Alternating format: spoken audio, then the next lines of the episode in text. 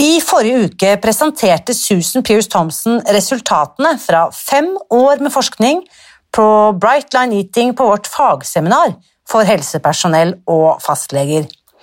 Og konklusjonen er klar.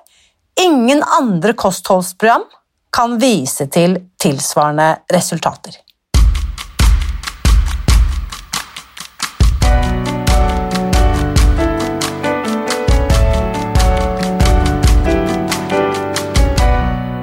Mitt navn er Irina Li.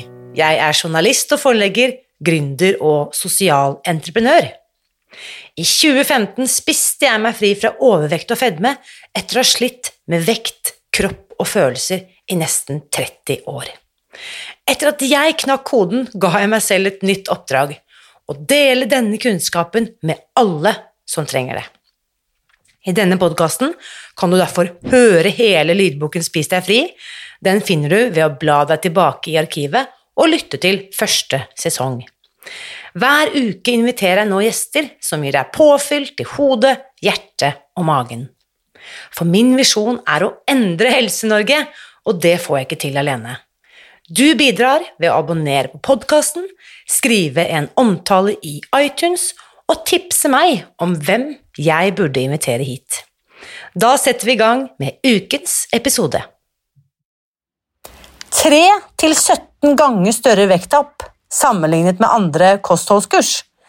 Det er bare ett av de oppsiktsvektende resultatene Susan Pierce Thompson la frem da hun i forrige uke presenterte forskningen på Brightline Eating på vårt fagseminar for fastleger og helsepersonell. Denne uken har jeg gleden av å dele hele hennes foredrag med deg.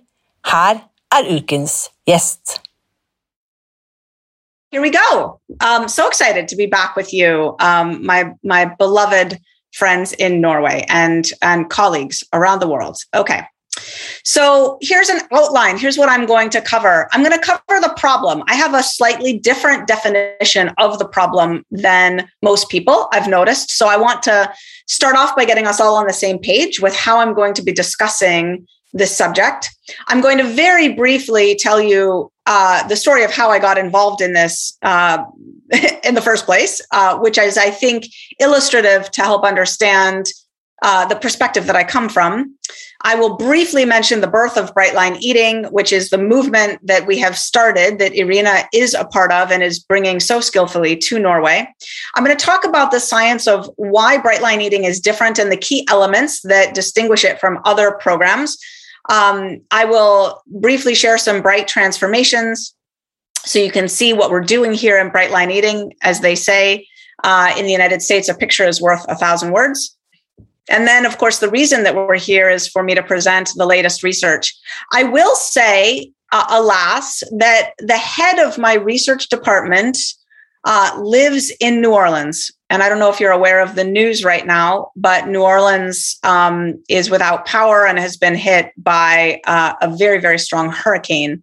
So, um, some of the data that I'm going to present, alas, uh, I don't have it exactly in the form that I would most prefer and the graphs that I would most prefer um, because uh, he was the last one to be doing these analyses and he has uh, not I, I, believe he is okay, but he has not been able to be reached now for many days. So, um, you know, nature has her way. Uh, his name is Win Guan. We can all send um, just a little bit of uh, luck and strength and sisu to win as he navigates um, the hurricane in New Orleans with all the people living there. But let's start off now at the beginning with the problem. So, the problem is uh, we're getting fatter in essence.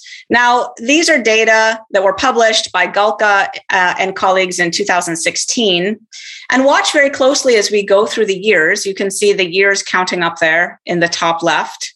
Notice that the Middle East gets fattest first, which is interesting. I think most people assume the United States leads the way in the obesity pandemic, but that wasn't true at first. It only became true in the 1990s.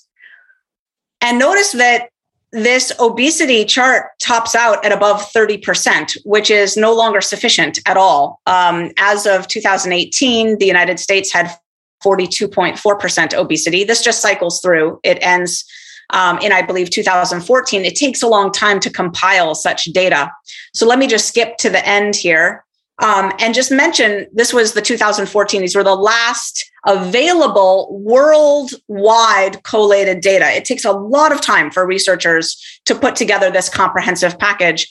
And I just want to mention, you know, as I said, the United States is already above 40%, which means we would have to add uh, above 35% and above 40% to account for the United States. But also, then that was the data as of 2018. Of course, COVID happened. And the American Psychological Association did a study on stress in America during the COVID pandemic. Well, you know, a few months ago, sort of when the bulk of the, the first wave of COVID had happened, and showed that um, uh, over 40% of Americans had gained uh, weight, unintended, unwanted weight during the pandemic, and uh, very, very large numbers of, of kilos or pounds. Um, and so I believe, although the United, I, I, I've just looked at the data myself and tried to estimate what it looks like. It looks to me like the United States might have already crossed 50% obesity. We were on track to cross that by 2030. Uh, but I believe COVID accelerated our timeline. Anyway, we, we'll see in a little bit when the data come out. Uh, not sure when that will happen. But I just want to mention, like, so what? Okay, so we're getting fatter. Um, well, we're not supposed to be heavy.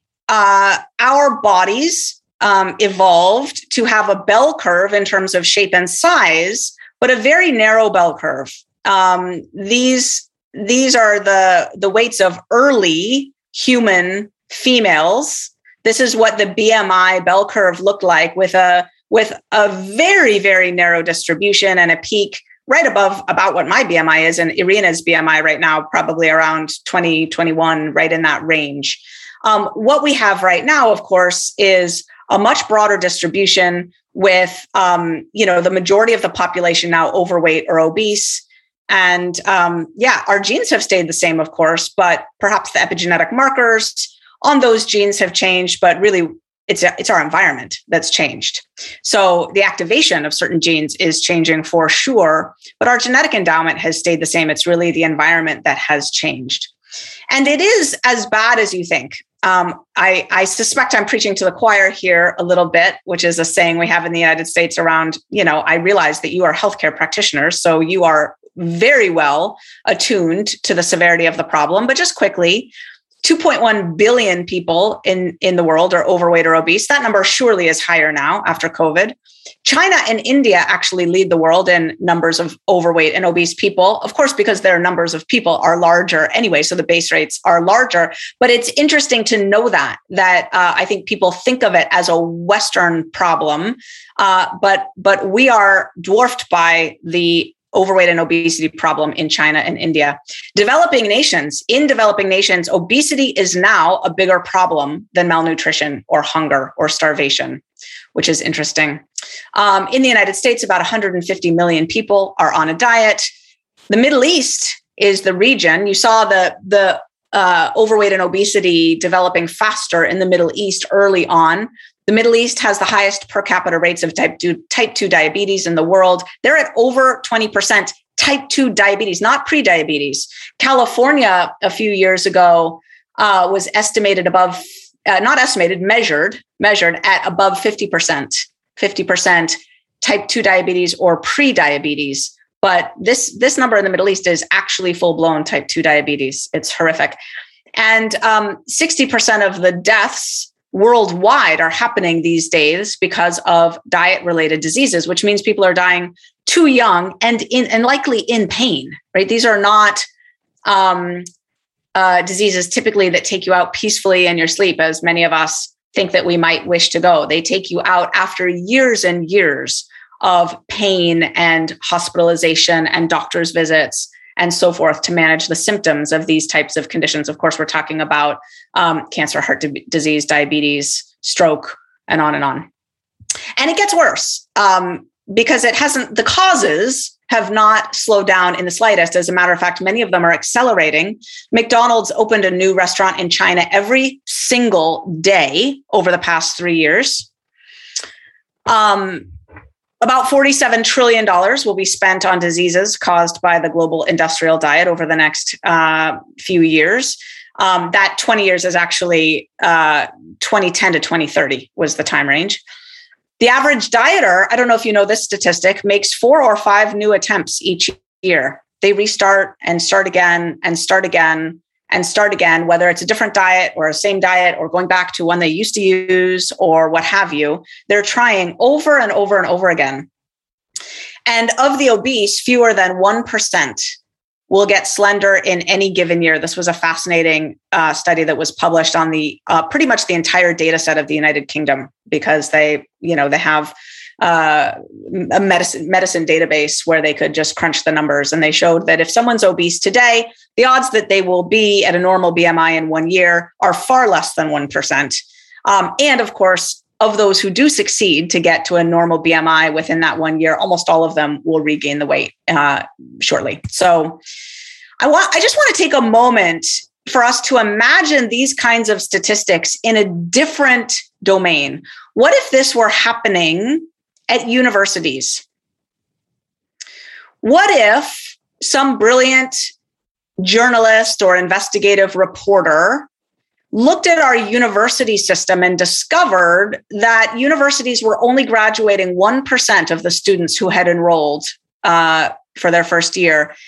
And of the remaining 99% of students, they were all dropping out of university and then re-enrolling maybe in that same university maybe in a different university. And the average dropout and re-enrolling was four to five times a year. What would we think about that? Would we walk away and conclude boy those students are really lazy. It's too bad that they don't have good study habits. It's it, they surely need some sort of cognitive behavioral intervention to teach them better habits uh, and how to really study because clearly university is too hard for them. Uh, and that's uh, clearly weak moral character is at play here. We would not right? That's ridiculous. We would think there's something wrong with the system. The university system is clearly failing our obviously capable young students right that's what we would think. We would think there's something rotten with the barrel, not with the apples inside the barrel. So, what I want to suggest is that not only do we have an obesity pandemic, we have an obesity mystery a mystery. The problem itself doesn't even make sense as, as we're seeing it. People are trying and failing at rates that do not make sense, given that these same people are capably working at jobs and raising families and starting businesses and running marathons and doing all sorts of things that demonstrate that they're perfectly capable in other ways. There are very high profile people like Oprah Winfrey who demonstrate this effect. Clearly, no lack of intelligence or ambition happening, right? Uh, and yet, the weight problem doesn't seem to be solvable we all know that we need to be eating better and eating less. And research actually shows that people are extremely good at knowing what foods they should be not eating uh, or not eating much and what foods they should be eating or eating more of, right? People know they should not be eating pizza and they should be eating more blueberries. People know that they should not be eating donuts and they should be eating more broccoli. People know that they should not order the steak and frites or french fries. They should be ordering the large salad. People know people know but it's a problem of execution and it's there's some sort of deeper issue going on because it cannot be accounted for by our current paradigm obviously obviously so what is actually going on well, it's not just about weight, I want to say, first of all, here. Plenty of slender people actually struggle with their eating too. And as a matter of fact, research coming out of Yale University's Rudd Center for Food Policy and Ashley Gearhardt's lab um, and my lab show that somewhere between uh, 19 and 22% of slender people, people at a normal BMI, actually qualify as full blown food addicts. So that's interesting. That's interesting. There's more people that have food issues than are actually than actually have weight issues. So we need a solution that addresses not just weight, but this food obsession or food cravings that other people are having, even if they don't or don't yet have a weight issue. and just ask your friends um, you know uh, your friends who seem to have no weight problem at all ask them if they struggle with sugar or with their eating and you'll be surprised how many of them will open up to you that they absolutely do the reality is that today's foods are addictive, not in a hypothetical sense, not as a metaphor, but literally, truly, biologically addictive. Here are uh, beautiful old PET scans of the brain and the, the addiction reward centers in the brain. I'm talking about the nucleus accumbens, the insula, the ventral tegmental area. This is a normal dopamine response at baseline, nothing happening at baseline. This is a normal dopamine response. The red shows the healthy dopamine uh, activity at baseline. This is the reward center of someone who is addicted to cocaine, and you can see very little red here. This is the PET scan of someone who is obese, not addicted to anything, presumably, oh, but wait, maybe food.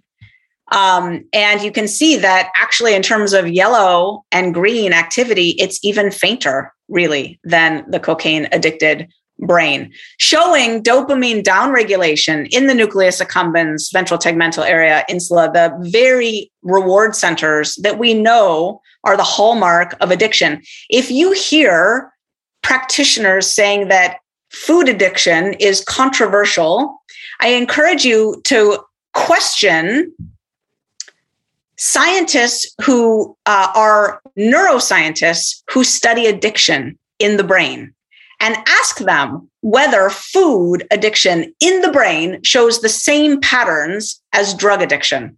Ask them that question. I've asked many of them. I am one myself. We all say yes. There is no controversy about whether food is addictive. I, in my third book, which it, which will be published um, December 28th of this year, I have uh, chapter two is called "Food uh, Food Addiction is Real," and chapter three is called "Food Addiction is Hardest." And in chapter two, Food Addiction is Real, I go into the history of the so called controversy around food addiction, uh, which does not come from addiction science at all. That controversy is different and it's beyond what I have time to go into today. But I assure you, food addiction is not controversial as a construct to people who study addiction in the brain, not in the least bit controversial. And it is, in fact, the toughest drug to quit. You need to eat 80% of the calories in the supermarket have added sugar. I'm not talking about, you know, fruit added or the lactose in milk. I'm talking about added sugars. The cues to eat these ultra processed foods are everywhere. Heroin addicts, cocaine addicts, you know, cigarette addicts even do not experience the ubiquitous uh, time and place and visual and auditory cues to eat or to consume rather uh, or to use their drug of choice there's very strong social pressure in nearly every setting these days. Norway may have changed over the last couple decades in the way America uh, changed several decades ago, where suddenly you can't even go to a work function without paste, you know, Danish and coffee with cream and milk and sugar and all these things being passed around or being available or being offered. Um, you can't even get through a workday from breakfast to lunch and, and lunch to dinner uh, without strong social pressures or in invitations to eat. Eating has become synonymous with fun, celebration, recreation, leisure, and comfort, as opposed to survival, health, wellness, having enough energy to do the needed work to stay alive. Uh, food has become something very different in our modern day society than it used to be. And it is right now not an addiction that society takes seriously. Uh, that is to say, yet I am on a lifetime mission to change that. It is one of the things I hope to, to see happen before I die is that widespread around the world, it will be very clear, no longer called controversial, no longer quotes put around it. Food addiction is real. Everyone knows it. It's obvious. Now, there are huge costs to stay, staying heavy in every way. Uh, obesity is linked with emotional issues, including depression and low self esteem. There's elevated risk for nearly all chronic diseases diabetes, cardiovascular disease, osteoarthritis, cancer. We could go on and on. Uh, musculoskeletal and mobility problems and pain. Even someone who argues for the health at any size construct, which I think is highly suspect. I'm a big fan of the need to eliminate prejudice and discrimination based on body size, but I am not a big fan of promoting the notion that has, uh, it, from my perspective, um, flimsy at best scientific evidence to support it that uh, some people get away with being obese with no health consequences. And certainly the musculoskeletal system would say that there are consequences. Uh, you carry around an extra 100 pounds and your knees let you know that you're doing it at the very least. Um, but there's also brain consequences poor memory, poor brain functioning, increased risk of Alzheimer's and other dementias, and we could go on.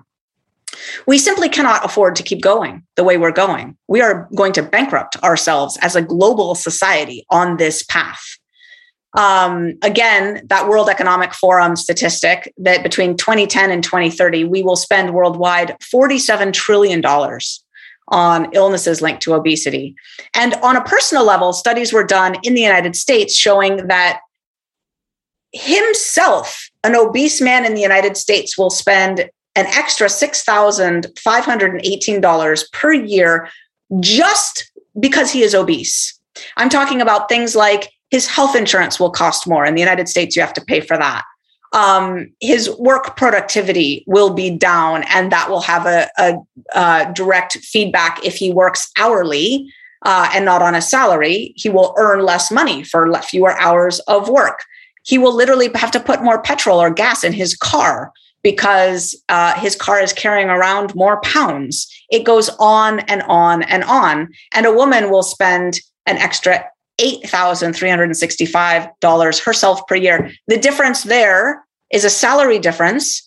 Very solid research shows that overweight women, but not men in the United States, don't earn as much money uh, directly as a result of the extra weight that they are carrying. They don't get uh, raises and promotions at the same rate as women who are slender. And these numbers, I have to say, are not even counting the excess food, the excess money on clothes, because when you have a weight problem, you tend to uh, buy clothes, uh, need need more clothes here and there, uh, either because you've gone up the scale or down the scale with those dieting attempts. Not counting furniture wearing out faster. There's many other things that are not counted in that study. This was a George Washington University study, a, a truly fascinating study. So the pickle we're in. Here's the reality still today. I, I hope to change this in the next few years, but still today, there is not a single peer reviewed scientific study showing any intervention, surgery, or weight loss program successfully helping a cohort of overweight or obese people get down to goal weight and remain there. Not to my knowledge. If you know of one, please send it to me. Not to my knowledge. Not one. And by 2030, again, 50% of us in the United States will be obese, and Norway, you're not far behind. I believe your rates of overweight and obesity combined are equivalent to ours in the United States. Just still, you have at around 70%. You just still have more of those folks overweight, not yet obese. But as the years go by, that seems to be uh, shifting for you as well it's quite dire the situation we're in and you know this is all being driven by processed foods and processed food consumptions consumption is up up up up up. A new study just came out showing that among children and adolescents three quarters of the calories they are consuming uh, could be uh, are in the category of ultra processed foods. Three quarters now. Three quarters of the food that they're eating. The, the dietary habits of the next generation are, are significantly worse. So if we do not change course and have real interventions that work, we are going to uh, be in quite a problem here. And the reason I care about this so much, I want to talk about my story briefly. First of all, it's very personal. Uh, this was me uh, at least one haircut ago. Um, and, you know, I have three daughters, I have three kiddos. And we all know, I think, the data are very clear that women are uh, more impacted by the obesity epidemic than men in a variety of ways, both physical and emotional. They are more likely to diet as well. Just this is uh, Zoe's bunny here. Bunny gets a little cameo. very, very beloved family member there. Um, and so I think about the future for my kids. I'm sure we all do, right? Uh, and it is my personal goal by the time I die to see the obesity rate going down. That is it. That is my number one goal before I die to see the obesity rate now going down instead of up and to feel like I have contributed to that. So that's that's where I'm coming from here. My background and how I approach this problem is that I was concerned about my weight at the age of 14, not because I was super heavy, but because uh, I weighed more than I weigh now by quite a fair bit and uh, wasn't very happy about that. And I found drugs at the time, quite quite hard drugs, um, cocaine, crystal methamphetamine. Uh, I learned how to cook up cocaine into crack cocaine and started smoking that. This was in the 1990s when crack cocaine was quite a, a, a big problem in the cities in the United States. I got clean and sober by the time I was 20 years old, but my addiction jumped right over to food. And very quickly, I gained massive amounts of weight. And by my mid 20s, I was obese. Um, this was the location and the date, August of 1994, that I got clean and sober from drugs and alcohol. That's the most important fact of my life because my drug addiction was so bad. Um, and after I got clean and sober, I uh, went to university, did quite well, transferred to one of the top three schools in the world, the University of Rochester, to get my master's and PhD in brain and cognitive sciences.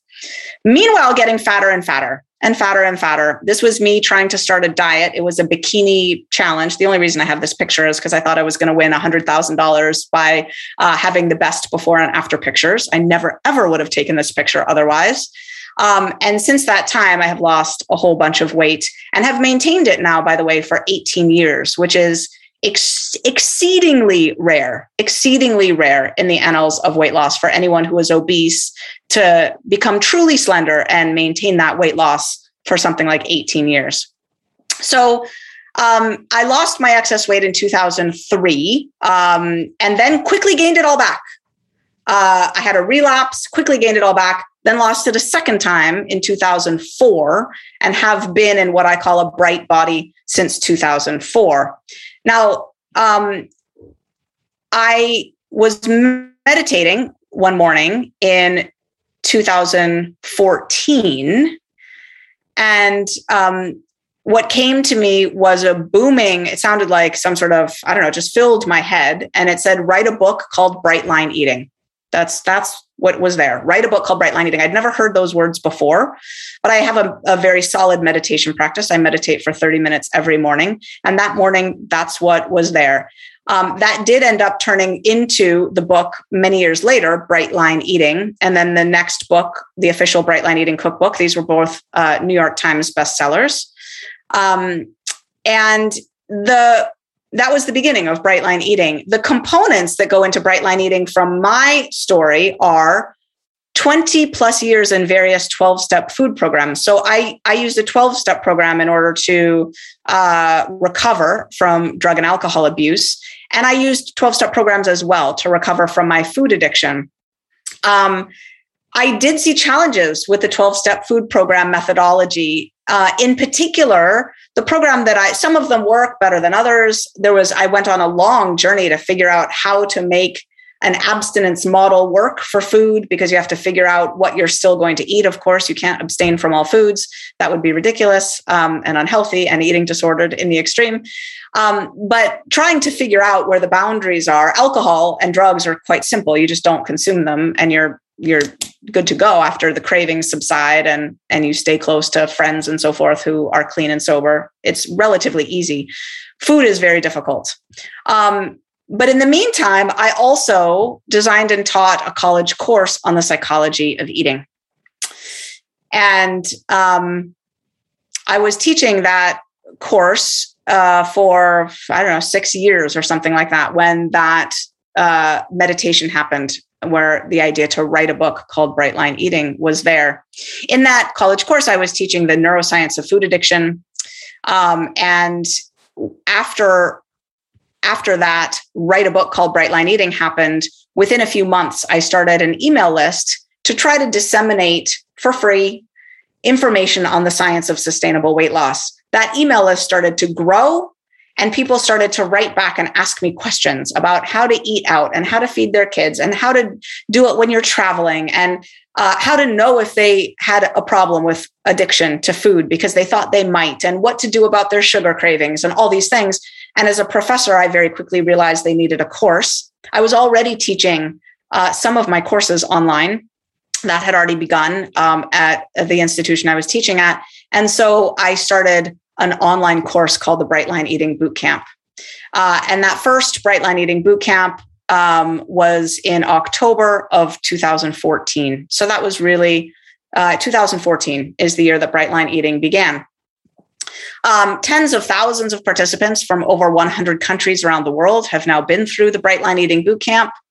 And our published research shows that people lose three to 17 times more weight in just those first eight weeks than uh, participants do in any other commercial online program with published data. Now, those aren't side by side comparisons in a clinical trial. Those are uh, our data published and then looking at other data that are also published in the literature and doing our best to normalize uh, by the independent and dependent variables uh, and and time as far as is possible. Um, so it's it's not perfect data at all, but it is rather indicative, right? That is not a small effect. We're not talking about three to seventeen percent better. We're talking about three to seventeen times better. So one can assume all kinds of noise and sampling bias and no proper control condition and still uh, you know, perhaps not be convinced at all, except that that is a very, very large effect, right? So it makes one want to at least look closer. Um, and then I'm going to show you uh, peer reviewed uh, published studies showing that uh, in Bright Line eating, two years later, participants are still maintaining three times clinically significant weight loss, two years later, on average. So, the three keys scientifically to bright line eating um, are first of all, we build in an understanding that willpower is remarkably ineffective against temptation as real life is happening. Really what people have remember remember a little while ago i was i was saying that um, i was saying that uh, oh my gosh here we are living our lives living our lives right? And uh, people know what they should be eating and not eating they know that they should be eating a salad and not the pizza. But what happens is because willpower is seated in the anterior cingulate cortex, just behind the prefrontal cortex here, and it is this, this spot in the brain that is charged with not just resisting temptations, but also regulating emotional states, helping to make decisions, um, and and all sorts of other things. And it, oh, by the way, gets depleted after maybe 15 minutes of, of intensive use. And it's especially subject to blood sugar variations, so that if you haven't eaten in a while, you're even less likely to be able to rein in that temptation. This is the reason why someone can absolutely be motivated to stick with a diet or a program. But on Friday night, after a long week of work, when the kids haven't been fed and their partner looks to them and says, I think we should, you know, uh, go down the street and order some food from the you know the little place that's not going to sell such healthy food. And the spouse looks at them in relief and says yes we absolutely should right?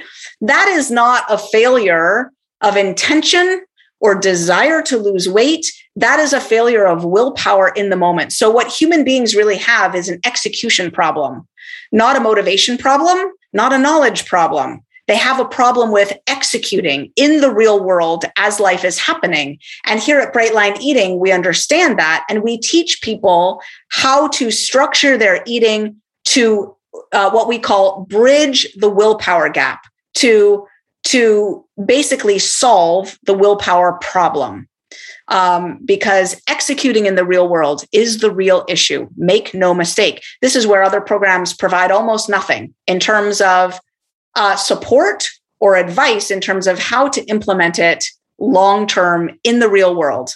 That is starting to change. Some programs are starting to have a, a, a habit based approach, but still, the food plans that they use and the incentive structures that they use don't provide enough support in this domain, in my professional opinion.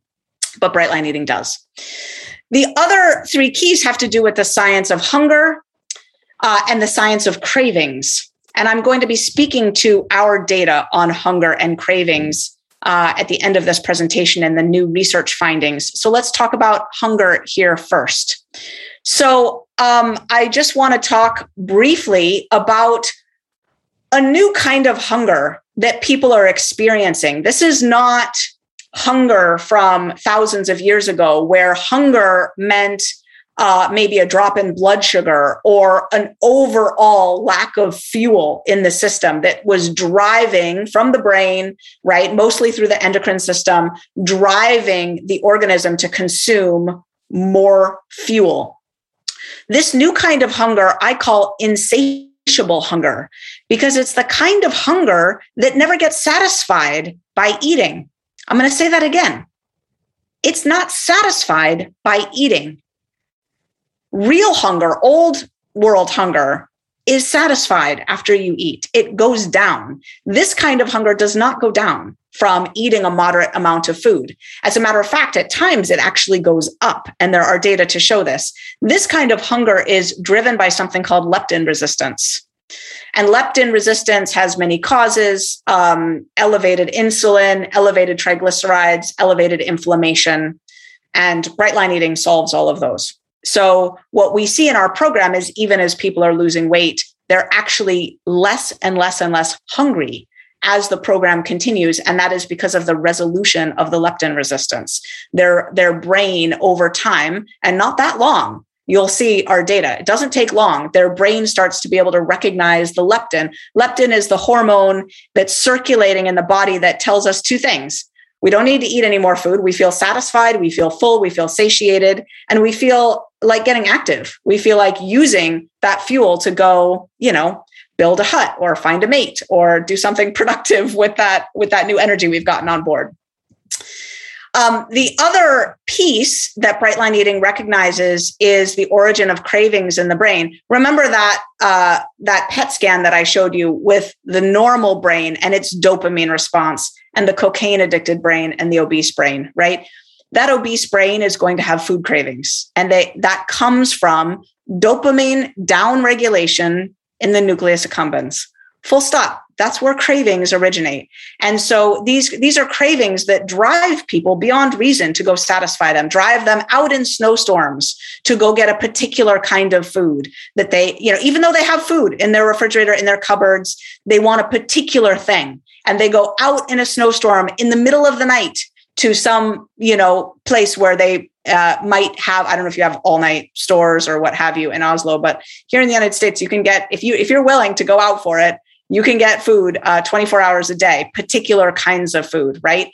Those relentless cravings. What we see in our program is that, uh, and I need to do an fMRI study to show that the dopamine receptors are replenishing this fast, but we have the clinical data, which is that people's cravings resolve uh, just through our eight week program. So I can't wait to look at the brain and, and just watch as the dopamine receptors become more numerous and more responsive. But we address cravings. We give people strategies for managing their cravings at the beginning. And we, of course, have a program that resolves their cravings. So they're not having to continuously live plagued by cravings. People cannot stay on a program.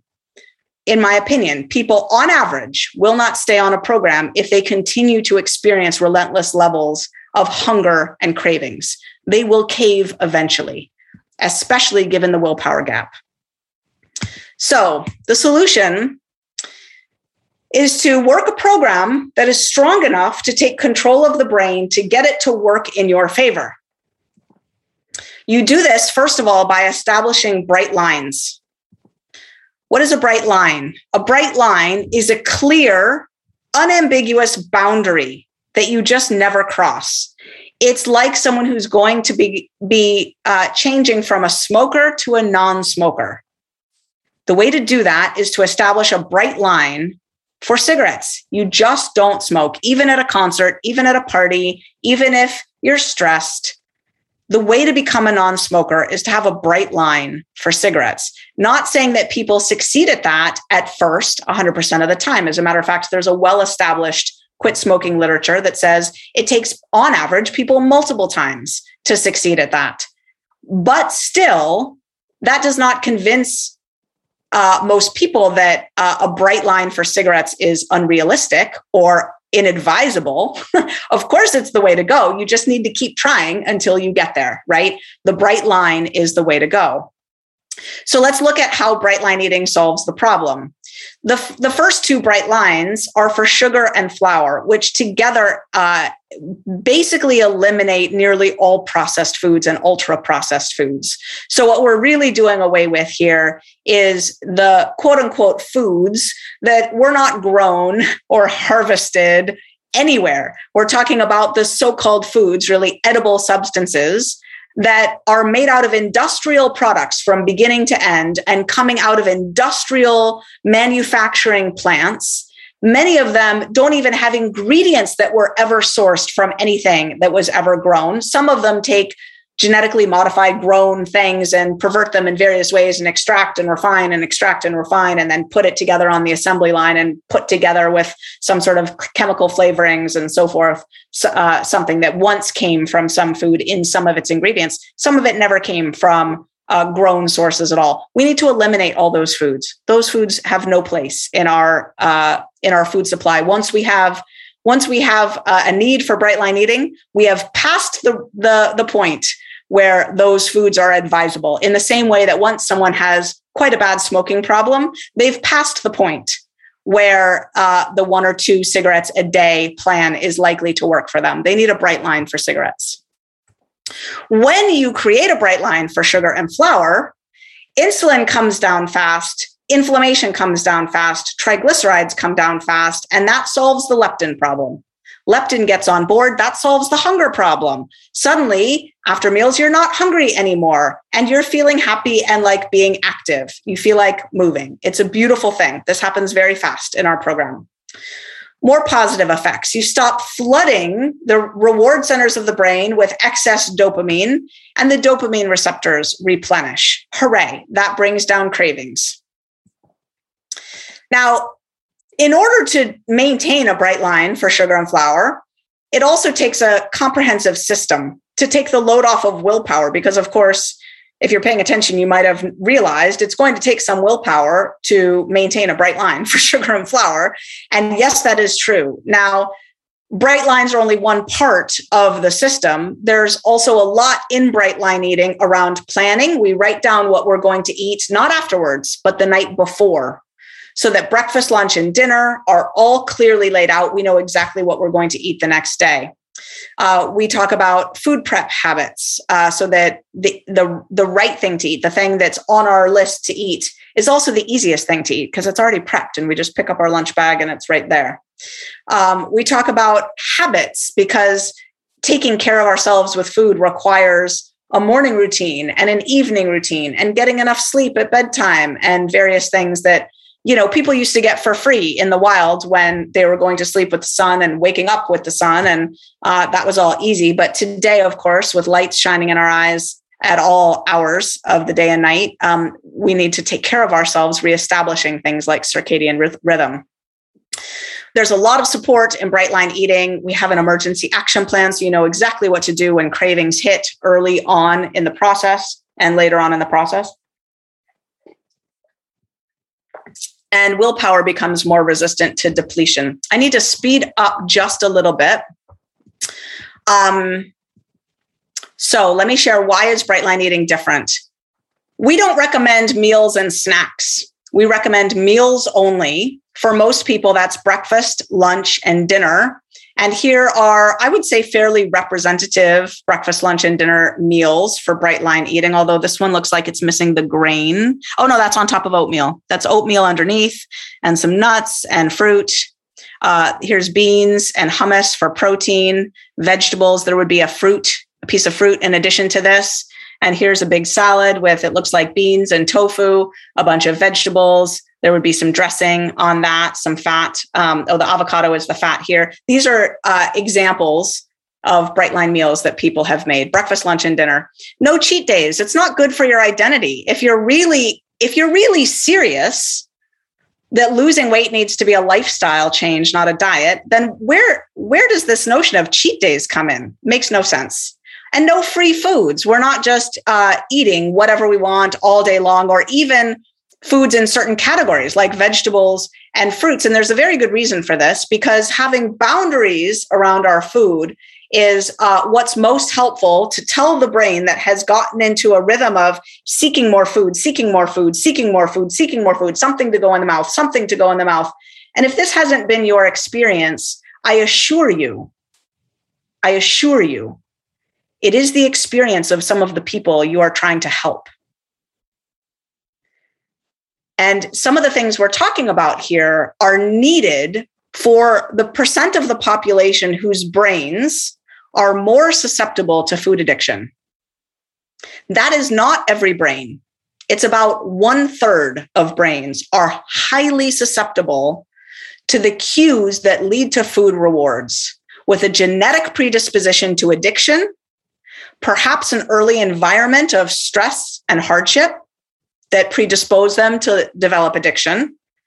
And for whatever reason, food was the set of cues and rewards that their brain wired up to, it is not everyone's experience that this type of program is needed or helpful for them.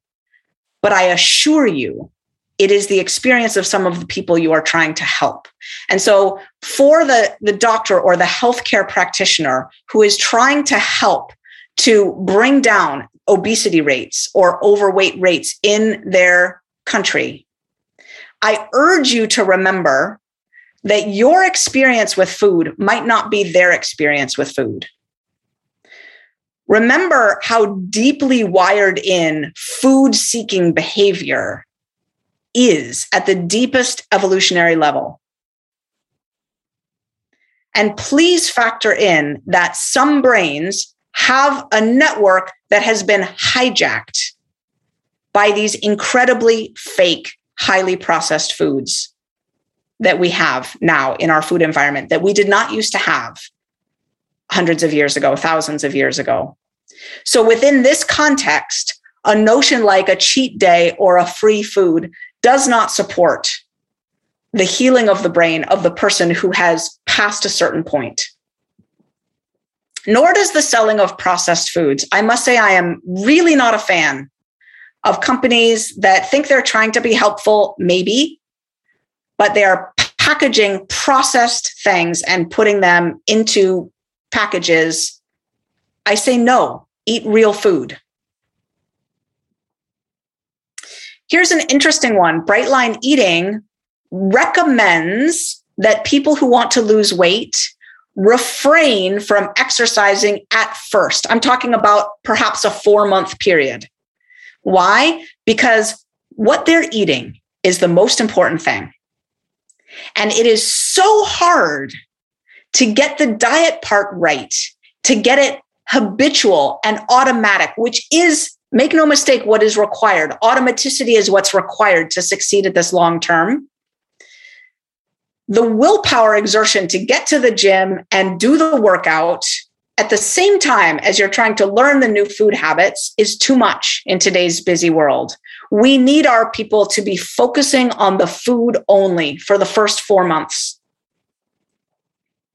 This is something that differentiates Brightline Eating, obviously, from other programs. Now, I must, I must say, I'm very well aware of how important exercise is for all the reasons, right? For mobility, for bone health, for brain health, for mood, for sex drive, for confidence, for self esteem. I could go on. Exercise is so important.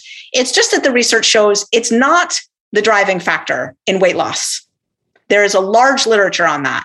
So if we're really trying to help people lose weight, we can help them rest and focus in the first four months and work in exercise after their food habits are established.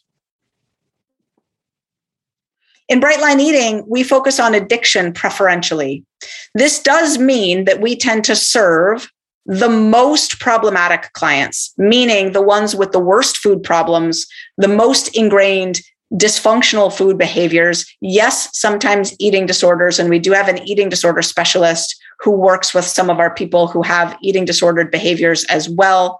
Um, but not everyone who has an eating disorder qualifies for food addiction and vice versa. Um, there's a fair about 50% overlap in those Venn diagrams, but it's not 100%. Um, but in bright line eating, and I encourage you to remember this when I show you the data, because in bright line eating, we focus on the, the worst clients, meaning the ones coming from the biggest weight numbers and the, the most addictive behaviors around food, which makes our, our data, frankly, all the more stunning. We have a tremendous amount of community support. I could go on and on about this, but it's a big differentiator in bright line eating. And uh, we focus strongly on maintenance, meaning, what do you do after you've lost your weight? How do you keep it off for 18 years? How do you keep it off year in and year out, as Irina Lee has done in Norway? And so many after her that she's been helping in Norway years Keep in mind, Brightline Eating has only been around for seven years, and we didn't have very many people going through the program in the first couple of years. I'm going to show you some of the data from people who have been maintaining their bright body now for years on Brightline Eating, not regaining their weight. We also in Brightline Eating have a lot of uh, focus on doing inner work, the inner psychological work. We ate for reasons. We learned to eat over stress, over emotions. And uh, in my personal opinion, professional opinion, we will not maintain our bright bodies if we do not attend to the inner psychological work. So we have to continue to do that work. And in Brightline Eating, we give people a roadmap for doing that work. I want to quickly show you some bright transformations. And then I'm going to show you our latest research published research findings. Um, Julia Carroll was in uh, the first book, Bright Line Eating, that was published in 2017. She started Bright Line Eating uh, in 2015, got down to her bright body in eight months, and has been maintaining it for five years. She's gone over six years without one bite of sugar or flour. No sugar, no flour, no alcohol. She did uh, gain back just a few kilos, 10 pounds. So, you know, what, four kilos or something during COVID. Um, but she got thinner than this. I think she probably looks about, maybe this is actually a current picture of her.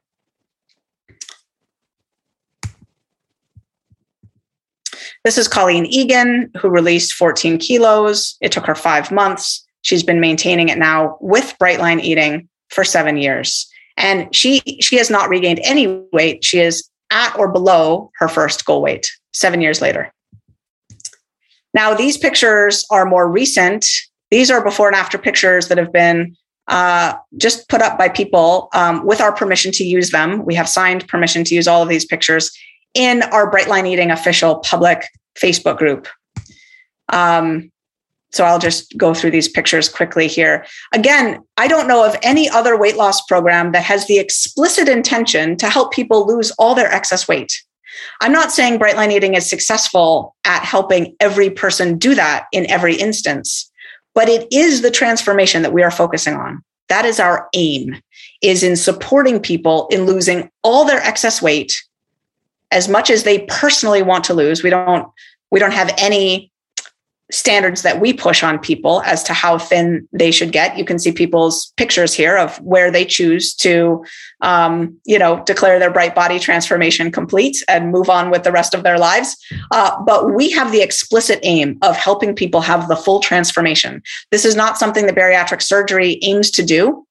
Um, I'm sure uh, it happens sometimes, and I'm sure doctors would love to be able to say that that was their aim, but but in all good conscience, they can't do that because that is not an average outcome of bariatric surgery. Um, I should say, nor is it an average outcome of bright line eating, but it is common enough around here um, that we feel just like it takes some people trying to quit smoking several attempts, many attempts before they really permanently quit that is our approach. We just keep helping people until they can really permanently quit. And a lot of our people do it right away and get right down to goal weight. Here are some more pictures Richard, Denise, John, um, Holly. Oh, look at that. It's just amazing. Matt, Dale, Jackie, Liza. We have a second Liza in this set, I believe. Manu, Meg, Mark Allen, Sue, another Liza, Teresa, Ed. Now, I just want to say, I don't know actually that every person in this set has declared their bright body transformation complete. For example, I don't know if Teresa is saying that she's done here or if she's still planning to lose some more weight. Uh, I'm actually not claiming that these are completed transformations. Ed certainly looks like he's done. I hope that he's uh, also thinking that he is. Um, but uh, I'm just showing you some pictures that showed up in our public Facebook group. So, uh, and there's there's more. There's there's lots of these. they just, they pour in every day in our public Facebook group. And here is Irina Lee. This was her transformation. She has been maintaining her bright body now uh, for a long time, uh, 64 months. I don't know if that's still, if it, maybe it's a few more months than that. Um, but Irina could tell us. She, of course, lives in Oslo. Um, and uh, Irina, so let me just weave in before I share our research and then get to questions. Irina, after my first book was published, was a bright lifer herself and decided to form a publishing company to buy the rights to the book Bright Line Eating and get it published in Norway. And then she has been spearheading a health transformation in the country of Norway that I'm so proud of and impressed by. And I really hope and intend that Norway can become a model for leading the way in a revolutionary approach and conception of truly scientifically grounded, sustainable weight loss. Because, like I presented at the beginning of my talk, the current way we're thinking about the problem does not work. It simply does not work. And what we're doing here in Bright Line Eating, although it is not perfect, it does show signs of an approach with or without the need for surgery. We have people in bright line eating who've had bariatric surgery, lots of them, who've seen their weight start to creep up and it scares them. And so they come to bright line eating. For these individuals, we recommend more than three meals, still no snacking or grazing, which we feel is not helpful. But if they need to eat four meals a day or five meals a day so that they can have get enough food in their system because of course their pouches are now smaller and food might come back up we understand we even have a special support community for people who do bright line eating who are coming from bariatric surgery so either with bariatric surgery or without bariatric surgery because the pictures i'm showing here are without bariatric surgery we want to partner with you in norway to being on the cutting edge of a new way of thinking about weight loss that is scientifically grounded and truly more effective than the way we have been thinking about it before. And it the, the foundation of it is an understanding that food addiction is real that not every person is affected. This is not something that is widespread, even in everyone who is overweight or obese. And I have specific numbers on that if you're curious about the correlation between uh, weight status in terms of BMI and uh, susceptibility to food addiction. We have, and there's a very interesting correlation. The, the punchline is that it's a less strong correlation than you would imagine. Um, so even among people who are obese, they may not all be suffering from food addiction or, or really serious food addiction. But anyway, I digress. Um, we, I'm so impressed with what Irina is doing and grateful to be invited back again to speak with healthcare practitioners and doctors in Norway. So thank you, Irina. And Spis deg fri, of course, is uh, her brilliant book. I believe it, it rose to number two on the Norwegian National's bestseller list. Super impressive. And the third book, Rezoom, is coming out at the end of this year in the United States. This is a book on uh, on relapse, on ending the crash and burn cycle of food addiction that start off great and then crash into the ditch cycle that so many people are so familiar with. And of course, doctors who help people are so familiar with. Okay, now we need to go over research. So, this article was published recently in the Journal of Nutrition and Weight Loss, and it's a two year follow up evaluation of uh, a commercial telehealth. Telehealth just means online. Uh, very important these days that we have our things available online. So telehealth, of course, is leading the way. A telehealth weight loss program within an abstinence based food addiction framework. So, uh, an eight week program. We're looking here at percent weight loss, not uh, weight loss numbers, but percent of initial weight that was lost. And weight percent weight loss was measured at the uh, well baseline weight status was gotten and then percent weight loss measured post intervention after the eight weeks and then 6 12 18 and 24 months after starting the program.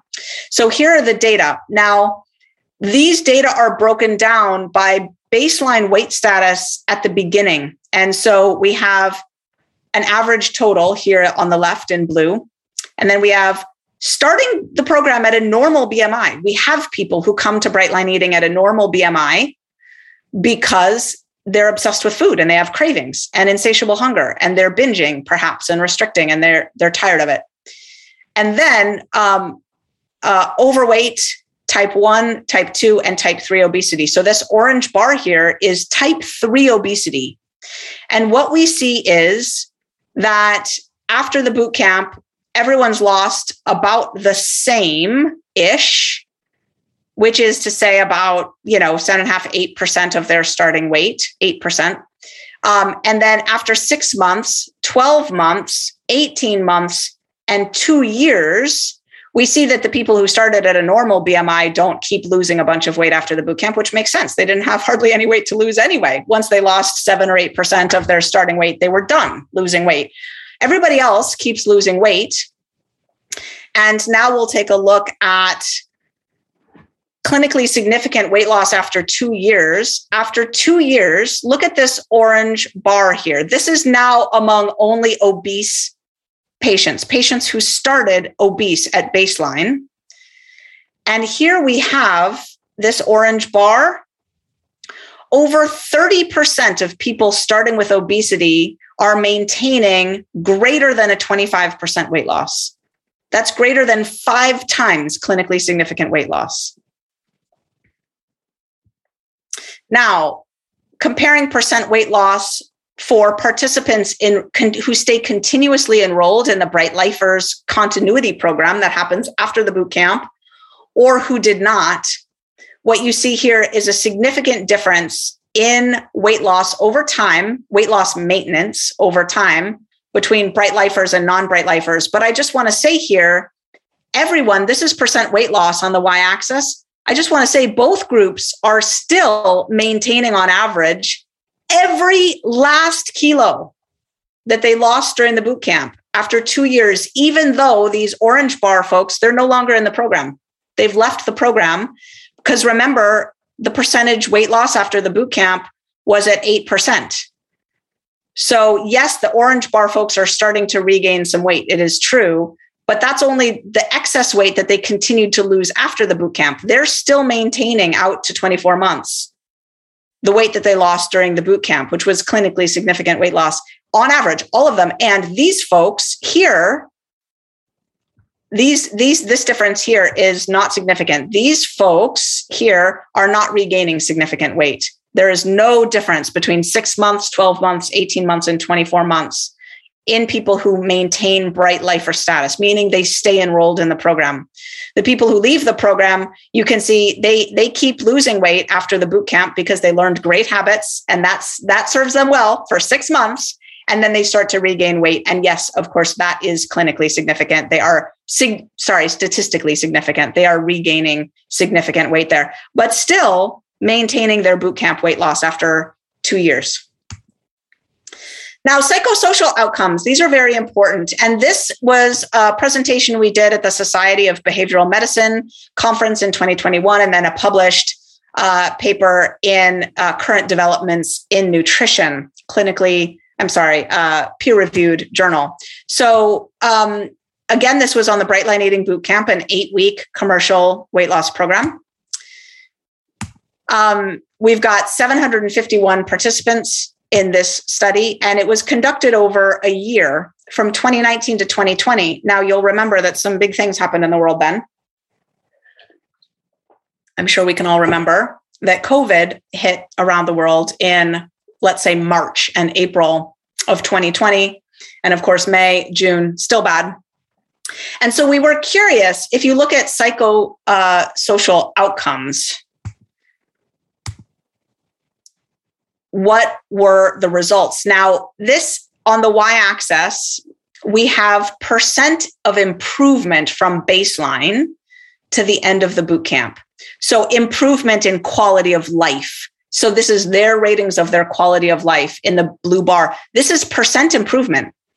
So, before COVID, we're talking September 19, October of 2019, November of 2019, all the way up until February of 2019. You can see all these numbers look kind of the same ish, right? Up until February. In, in, impressive improvements, hugely statistically significant improvements in quality of life, in energy, in, in, in social support. People saying, uh, that now they have people in their life who would help them out in a in, in a difficulty who could come over to their house and help them move if they needed it if they needed to move house they're having fewer bad mental health days they're having uh, a lift in their depressed mood so fewer depressed mood days these are all uh, using um, survey instruments and scales that are widely used in the psychological literature. So these are very valid instruments. And what you see is when COVID hit, interestingly, the people who went through the boot camp then online got even more improvement. And the difference between this group here and this group here on every single measure is highly statistically significantly different. So that's interesting. Bright line eating does not just help people lose weight, it helps people become more well and more happy. I don't know if you've stayed up with the research on the relationship between social support, perceived social support, and well being. It's pretty shocking, but perceived social support matters more to our health and longevity than the combination of diet and exercise combined, which is ludicrous to my mind, but it's true. And bright line eating helps with that, independent of weight loss. It helps people feel like their life is worth living again, which is not a little thing. Um, this is uh, some of my favorite research here. This is bright line eating efficacy across age. And this was published in Current Developments in Nutrition um, in uh, just recently, June of 2021. Um, and I'm going to go through this very quickly. It's a very large study, 4,509 participants, and this was in the boot camp. And what we did was we did a two way ANOVA to assess the effect of age on percent weight loss from baseline while accounting for race, gender, and program adherence. To assess the effect of age, the results no significant difference across age groups in weight loss in the boot camp. This means that bright line eating helps people, helps women. Most of our participants are women, right? I don't know if you saw this, right? Almost all women, 95.6% women. That means we help postmenopausal women because our data set went all the way up through over 80 years old. And our average woman is 45 to 70 years old. So that is right in the age range that we're primarily treating. In our cohort here, among 4,500 people across the age span, postmenopausal women lost weight equivalently to women in their 20s or 30s. How could that be? We all know that that doesn't happen. We all know it's harder to lose weight as you age. Why? Because of estrogen, right? Which is not just one hormone, but a class of hormones.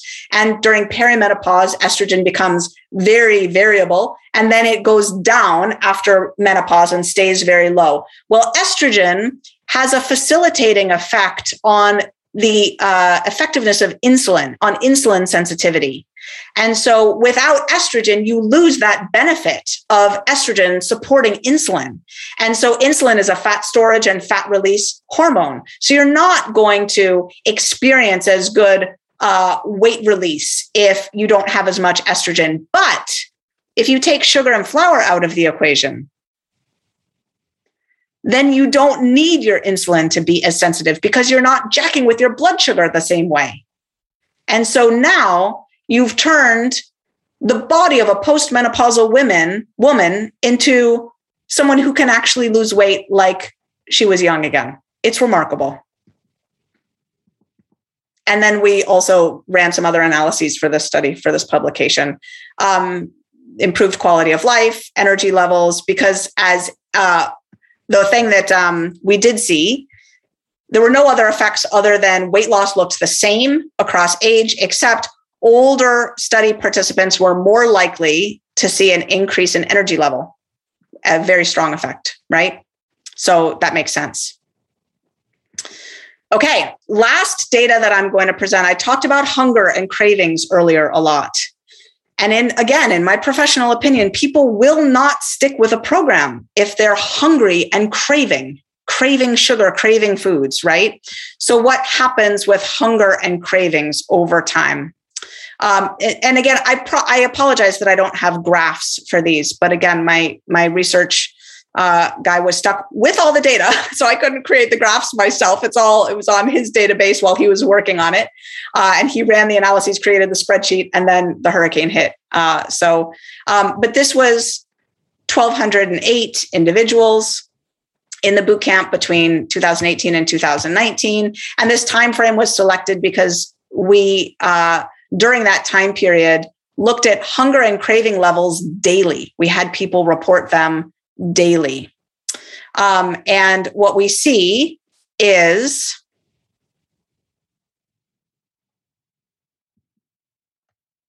on average, participants experienced significant reductions in hunger and food cravings from baseline to program completion. Look at the size of that effect enormous. Significant reductions in hunger and cravings analyzed separately from baseline to program completion. And if I had the graphs, what you would see is hunger and cravings both go down throughout the entire program. They don't start super high on average. They start uh, moderate, you know, between between two and a half and three on a five point scale, where people are asked on a scale from one to five, how hungry were you today? And before the program starts, on average, people were three out of five or something like that by the end of the program for both hunger and cravings, we're talking about little to no hunger or cravings ever. We're talking about an average of one and a half on a scale from one to five, down almost nothing. So, um, again, it's remarkable because people are losing large amounts of weight during this time, and hunger and cravings are going down, which speaks volumes to the likelihood of adherence long term. And for those interested in helping people coming from class three obesity, extreme morbid obesity, note that participants who began the program at a higher body mass index experienced even greater reductions in their level of hunger and food cravings, a whopping effect. So, summary of this research and then we will go into Q&A um, immediate success with the Bright Line Eating Boot Camp, averaging 1.5 times clinically significant weight loss, or about 7.9% of baseline uh, weight lost over eight weeks. 100% of weight loss maintained on average. Uh, plus, they all continue to lose on average for six months after the program ends. Um, among bright lifers 100% of their weight loss is maintained including the weight that they lost in the boot camp and the weight that they continued to lose in the six months after all of that weight is maintained for two years among people who don't stay in the program after six months from the start of their program they start to regain a small amount of weight two years out not having regained a single pound that they lost in the boot camp on average improved psychosocial outcomes even greater improvements under stress. We're talking about quality of life, social support, energy levels, a lift in depressed mood, uh, fewer poor mental health days, even greater improvements under stress of COVID, um, and reduced hunger and cravings while losing weight. I have never seen any published study showing such a thing. it is, as a matter of fact, well established in the literature that weight loss leads to hunger and cravings due to hormonal changes, increases in ghrelin, decreases in leptin, etc. Uh, so to show reduced hunger and cravings while losing weight is a sign that perhaps with a different approach, we can actually help people truly sustain weight loss long term. And finally, no differences in weight loss across age groups, providing a lot of hope for people who are in, you know, the second half of life thinking that there's no no hope for them to lose weight now. Uh, all of these references are available at brightlineeating.com. And you can go to brightlineeating.com forward slash research publications, or you can just scroll to the bottom of the page and click on uh, research at the bottom of the page at brightlineeating.com. Nå lurer jeg på, hva tenker du etter å ha hørt Susans eh, foredrag i dag? Bli med inn i Facebook-gruppen Spis deg fri, hvor samtalen etter ukens episode fortsetter. Og førstkommende torsdag, torsdag 16. september klokken 18, arrangerer jeg også et gratis webinar om Spis deg fri, og du kan melde deg på ved å gå til www.spisdegfri.no webinar. Og på dette webinaret forklarer jeg hvorfor det er så vanskelig for noen av oss å bare kose oss med én bit sjokolade eller litt potetgull, fordi vi spiser til det er tomt, for å si det sånn. Kort fortalt handler det om avhengighet, og nettopp derfor vil ikke metoder som baserer seg på måtehold, fungere for sånne som eh, oss. Heldigvis er det håp, og det finnes massevis av effektive verktøy for å bryte ut av denne destruktive sirkelen med søtsug, vektoppgang, sviktende helse og selvforakt. Det vil jeg fortelle deg mer om på torsdag, altså, klokken 18, så meld deg på nå. Det er helt gratis. Du går til www.spisdegfri.no webinar. Og her gir jeg deg også mitt supereffektive supertriks, som gjør deg i stand til å stoppe alle former for søtsug og cravings i løpet av ett minutt. Så meld deg på nå, selv om du vet at du ikke kan delta på torsdag, for da kan jeg sende deg opptaket i etterkant. Og Påmeldingen den finner du også på www.spisdegfri.no webinar. Som du vet, Uansett hva du velger å fylle hodet, hjertet og magen din med denne uken, så vit at jeg heier på deg. Alltid.